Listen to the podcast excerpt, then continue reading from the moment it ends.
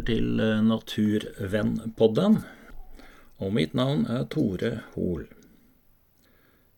Du vil nå få høre et personlig kåseri, der mye fakta er hentet fra Dag O. Hessens bok 'Verden på vippepunktet'.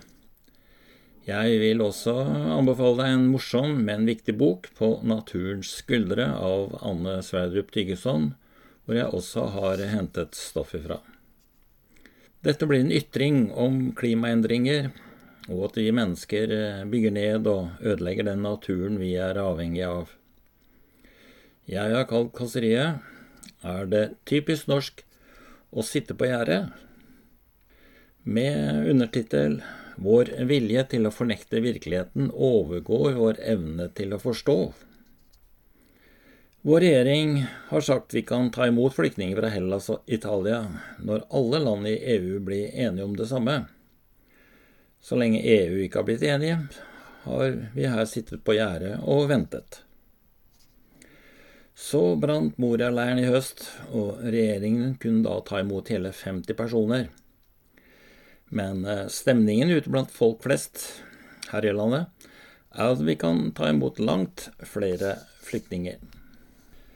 Koronapandemien har ført til helt spesielle tilstander i Norge og verden, som vi ikke kan huske å ha sett maken til. Regjeringen har vist at de kan håndtere en omfattende krise.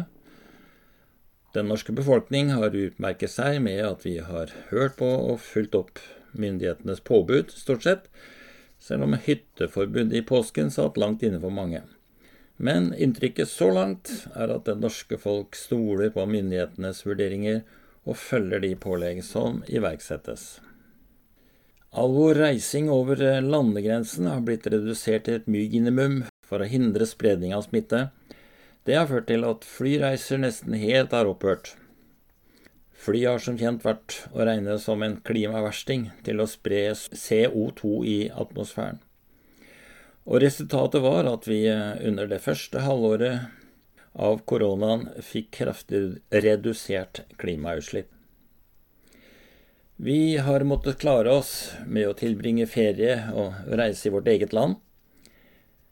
Videomøter har nå blitt dagligdags i jobbsammenheng, og det høres ut som om nettmøter vil bli foretrukket også etter at vaksinering vil gjøre det normalt å reise fritt igjen. Så blir det spørsmål. Den dagen koronaen har slippet tak i oss og alt er normalisert, vil våre myndigheter da sitte på gjerdet og vente på at vi vender tilbake til hverdagen, slik det var før koronatida? Vil de se an utviklingen, eller forsøke å hindre at vi faller tilbake til gamle synder, som helgetur til London med fly for å shoppe? Med andre ord vil det bli innført en skikkelig CO2-avgift, slik at unødvendige flyturer blir mindre attraktive. Dag O. Hessen skriver i sin siste bok 'Verden på vippunktet' at vi må benytte anledningen til å endre kurs nå. For vi står ved et veikryss, et vippepunkt. Og det er mange som nå undrer seg på hvorfor vi ikke behandler klimakrisen med det samme alvor som eh, koronaen. Har vi vilje til å forstå hvor ille det kan bli? For klimakrisen slik den utvikler seg i dag, mener forskerne, vil få betydelig større konsekvenser både for økosystemene og til syvende og sist vår arts mulighet for å overleve på denne jordkloden. Med de milliarder av kroner som vi har i oljefond utland, har regjeringen tatt seg råd til å gå inn med betydelige summer for å avhjelpe arbeidsledigheten. Disse oljemilliardene som er satt av i fond for å kunne trygge tilværelsen for landets innbyggere i generasjoner fremover, kan man egentlig vite hvor mye oljefondet er verdt en gang i fremtida når eh, oljeinntektene slutter å strømme inn? Burde vi ikke bruke mer av disse milliardene til å ta grep i dag for å bremse opp klimautviklingen? La meg ta et eksempel om å spå om fremtiden. Jeg vil fortelle om min farfar, som var på besøk i London i 1905. Vel hjemme fortalte han til min far, som den gang var ti år, at han hadde sett kjøredoninger som de kalte automobiler der borte. Det var store, åpne vogner med motorer som bråkte fælt og spydde røyk, og som skremte hestedrosjer og kjerringer av veien. Dette blir det aldri noe av, mente han. Hundre år frem i tid så vet vi jo at så feil kan man ta. For på de siste hundre år har vi opplevd en vekst i økonomi og tekniske oppfinnelser som verden aldri før har stått overfor. Denne utviklingen, som nærmest er eksponentiell og går rett til himmels, har ført til at menneskeheten har økt fra 1,6 milliarder i år 1900 og til 6 milliarder i år 2000. Om ingen ny pandemi eller verdenskrig bryter ut, vil vi være ca. 8,9 milliarder mennesker i år 2050. FNs eh, naturpanel, altså bror til FNs klimapanel, lanserte en pressekonferanse 6. mai 2019, der de varslet om at én million arter kan dø ut. Bakgrunnen for det er at 75% av alle landområder er blitt betydelig omdannet av menneskelig aktivitet. 25% av verdens isfrie landområder er i dag beiteland, mens styrking av avlinger ligger på beslag på 12% Siden 1700 har 83% av verdens våtmarker forsvunnet, drenert ut, og verdens regnskoger er eh, halvert. Økologisk fotavtrykk blir brukt som et mål på hvor stor virkning eh, menneskelige aktiviteter har på jordens økosystem. Inn i dette uttrykket regnes arealbruk til menneskelige formål, uttak av naturressurser og utslipp av forurensning.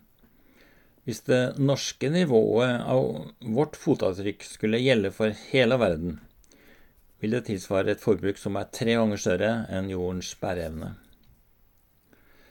Vi har snaue ti år fram til år 2030. Eh, Ifølge klimaavtalen i Paris, som Norge skrev under for fem år siden, skal Norge klare å redusere sine klimautslipp med minst 40% i 2030 i forhold til år 1990. Jeg kan nevne at EU har nettopp vedtatt 55% reduksjon. Dette for ikke å overstige en økning på 1,5 grader i klodens middeltemperatur. Så de neste 20 årene fram til år 2050 skal vi altså redusere våre klimagassutslipp med ytterligere 50-60% i forhold til 1990. 2050 er det året som FNs klimapanel sier vi har å være klimanøytrale. Dvs. Si ikke slippe ut mer klimagasser, enn naturen på kloden kan ta inn i sitt kretsløp, altså at opptak og utslipp balanserer. Men eh, ut fra det vi ser med dagens politikk, vil dette neppe kunne skje uten radikale og upopulære inngrep. Holder verden fram som vi stevner nå, så vil vi allerede om 25 år se at togradersmålet i 2050 glir ut av syne. Hvordan står det til med nordmenns klimaengasjement? Nå i november 2020 la Kantar fram sitt klimabarometer, der de har kartlagt nordmenns holdninger. Undersøkelsen viser at 61% av den norske befolkning ikke har klimaendringene som en av de tre viktigste sakene man er bekymret for. Velgerne som stemmer de minste partiene, Rødt, SV, MDG og Venstre har eh, klimatrusselen øverst, mens eh, Kristelig Folkeparti og Arbeiderpartiet, velgere, har det som den tredje viktigste saken. De som stemmer på eh, Senterpartiet, Høyre og Fremskrittspartiet, har klimaendringer på femte, femte og tolvte plass. Vi mennesker tar altså stadig større plass på vår planet. Vi hogger ned og brenner regnskog i økende tempo for å skaffe nok jord til å dyrke på, som eh, soyabønner eller beitemark for kveg. Det som er ille, er at soya importeres i store mengder, 45% av det kommer fra Brasil, til fôr til våre norske husdyr, inklusiv laks. Amazonas har mistet omtrent 17% av sitt areal siden 1970.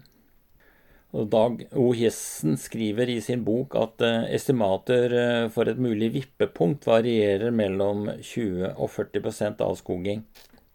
Han viser til at Sahara i Afrika for om lag 6000 år siden hadde skog, men at menneskelige aktiviteter og nedbeiting med husdyr medførte at området gradvis gikk over i en irreversibel glideflukt over til å bli en ørken. Når det gjelder nedsmelting av isen på Grønland og polene, er forskerne ikke enige om når en irreversibel situasjon kan oppstå. Estimatet når vippepunktet vil komme, er mellom to og tre graders økning av middeltemperaturen. Med andre ord kan dette vippepunktet komme før vi passerer år 2100. Først etter det vil havnivået virkelig stige, og etter hvert ute i neste århundre snakker vi kanskje om flere meter. Jeg nevnte vår eh, holdning til flyktninger innledningsvis. Ved to-tre graders økning av middeltemperaturen vil man regionalt kunne få ca. 1 meter høyere havnivå. Ved våtere og villere vær og med årlig stormflo vil det bli oversvømmelser av lavtliggende øyer og kystnære byer samt landområder. Utviklingen kan være at vi må ta imot mange klimaflyktninger, som en million eller to hollendere men de er jo så arbeidsomme og flinke i jordbruket som kanskje vil bebo de bygdene vi i dag ser blir fraflytta. Verre blir det når middelhavslandene og nordre del av Afrika etter hvert blir ubeboelig pga. temperaturer på 50 grader sommervarme og mangel på vann. En folkevandring nordover vil medføre uroligheter, sykdommer og lidelser som vi helst ikke ønsker å snakke om. Derfor er det på tide at myndighetene må vurdere å gi hver og en av oss en personlig CO2-kvote, der du kan velge å kjøre bil til jobben hver dag, men ingen flyturer. Alternativt én til to flyturer i året og sykle eller gå til jobben. Dette sitter nok langt inne, for vi ønsker ikke at storebror ser deg. Men rent teknisk vil jeg tro det lar seg gjennomføre allerede i dag. Mer om tap av natur og biologisk mangfold. Vi vet at uh, opprinnelsen til koronautbruddet var å finne på det kinesiske wet market i Huan. Her handles det med levende ville dyr. Viruset ble overført ved en såkalt zoonose, ved å hoppe over fra dyr til mennesker. Disse markedene skal nå være stengt i Kina, men eh, vi vet at slike virussykdommer har oppstått andre steder tidligere, som fugleinfluensa i en hønsegård i Hongkong. Over halvparten av alle dyreoverførte infeksjonssykdommer etter 1940 har kobling til matindustri og landbruk. En eh, kombinasjon av at eh, mennesker eh, bygger ut og legger under seg stadig nye naturområder, slik at ville dyr søker tilflukt inne i byer og bebyggelse, gjør også at faren for å bli smittet av nye virus eller bakterier er økende. En tysk undersøkelse som ble presentert høsten 2017, var basert på en studie av mengden insekter i 63 tyske naturreservater, som var redusert med 75% altså vekt, siden 1989. Det som opptar folk, er at insekter, og spesielt pollinerende insekter, forsvinner fra vår natur. 80 av våre ville planter samt en mengde matplanter er avhengig av insektpollinering, og 60% av våre fugler har insekter som føde. Her i landet er det nå håp om at våre myndigheter endelig vil sette i gang kartlegging av hva vi har av insekter, og hva vi er i gang med å miste. En slik undersøkelse må gå over flere år for å gi svar på situasjonen. En pekepinn er å konstatere at det er mange år siden vi registrerte at frontruta på bilen vi kjørte, ble klistret igjen med insekter når vi var ute på en sommerferietur. Frontruta er bortimot rein for insekter i dag. Intensivt landbruk har medført en nedgang på 75% av vipebestanden her i landet i løpet av de 15-20 åra. Det meldte Norsk Kontologisk forening i 2019. 30-50% av storspoer og sanglerka er også blitt borte på få tiår. På 30 år har Europa mistet 421 millioner eh, hekkefugler. De eh, fugler som blir fratatt sine hekkeområder pga. landbruket, blir enda mer utsatt når også myrer blir gravd opp og bygd ut, enten med industri, boliger eller veier.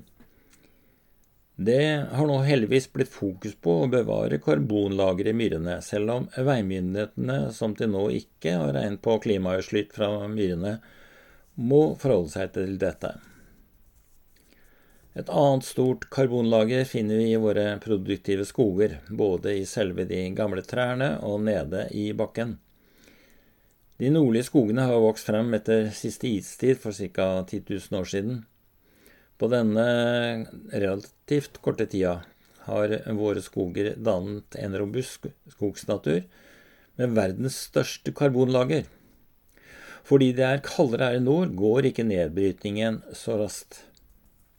Ved en flatehogst derimot vil det meste av CO2-lageret forsvinne opp i atmosfæren. Bevaring av gammel skog som aldri er flathogd, er svært viktig for bevaring av biologisk mangfold. Over 50 av våre rødlistede, altså utrydningstruede arter, har tilhold i gammel skog. Fortsatt er det svært mange organismer som vi fortsatt ikke kjenner til, og i hvilken grad de kan ha medisinske virkestoffer. Stortinget vedtok i 2016 et mål om vern av 10% av det produktive skogsarealet i Norge. Så langt har likevel bare snaut halvparten blitt fredet.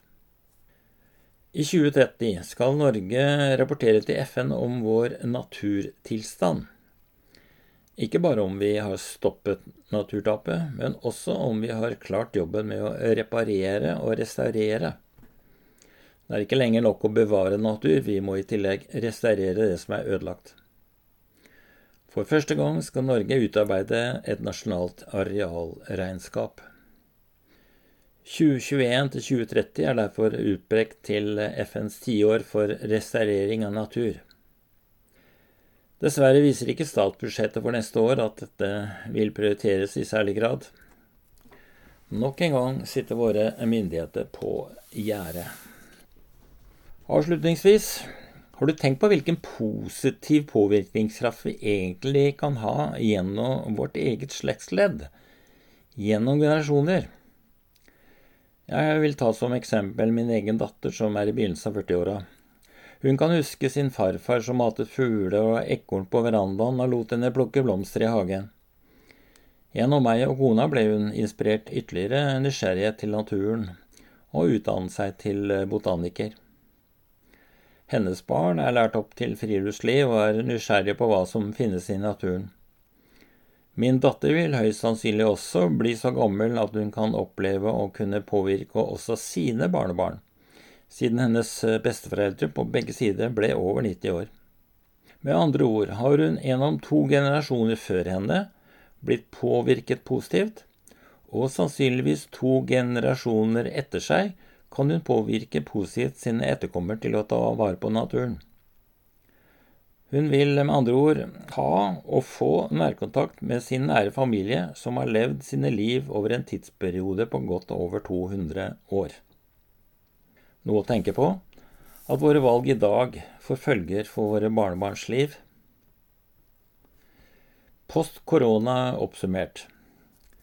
Vi får tro at koronapandemien har fått flere til å erkjenne vårt samfunns sårbarhet Kanskje har vi lært å sette pris på et enklere og langsommere liv, og forstått at eh, ikke velstandsveksten her i landet kan fortsette som tidligere. Ut fra det vi har vært innom, håper jeg at du sitter igjen med en større forståelse av at de to viktigste truslene vi nå står overfor, er mindre natur og mer klimagass, og at disse forholdene er koblet sammen. Så vil jeg håpe at regjeringen vil forstå at vi står ved et veiskille når det gjelder klima og naturmangfold, og at de vil ha tro på å sette i verk effektive tiltak som monner. Husk bare hvor greit det gikk å innføre røykeloven. Takk.